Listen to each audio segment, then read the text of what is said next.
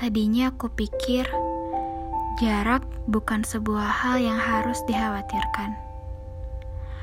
Aku dengan yakinnya bisa melewati semuanya.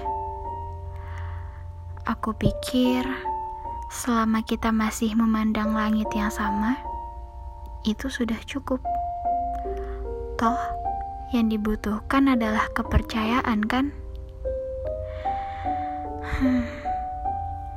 Ternyata semua hal memang tidak bisa berjalan sesuai dengan apa yang aku inginkan. Bahagiaku dan bahagiamu kini sudah dalam definisi yang berbeda. Tidak hanya soal bahagia, lebih dari itu, seharusnya kita berusaha saling menyempurnakan. Tapi pada akhirnya kita kalah.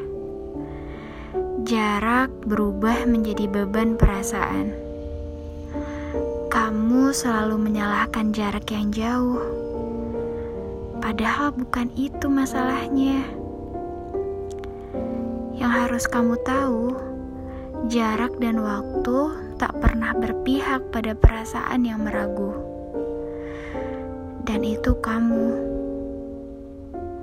Jarak akhirnya memisahkan kita. Kita tinggal kata, kita bukan lagi kita.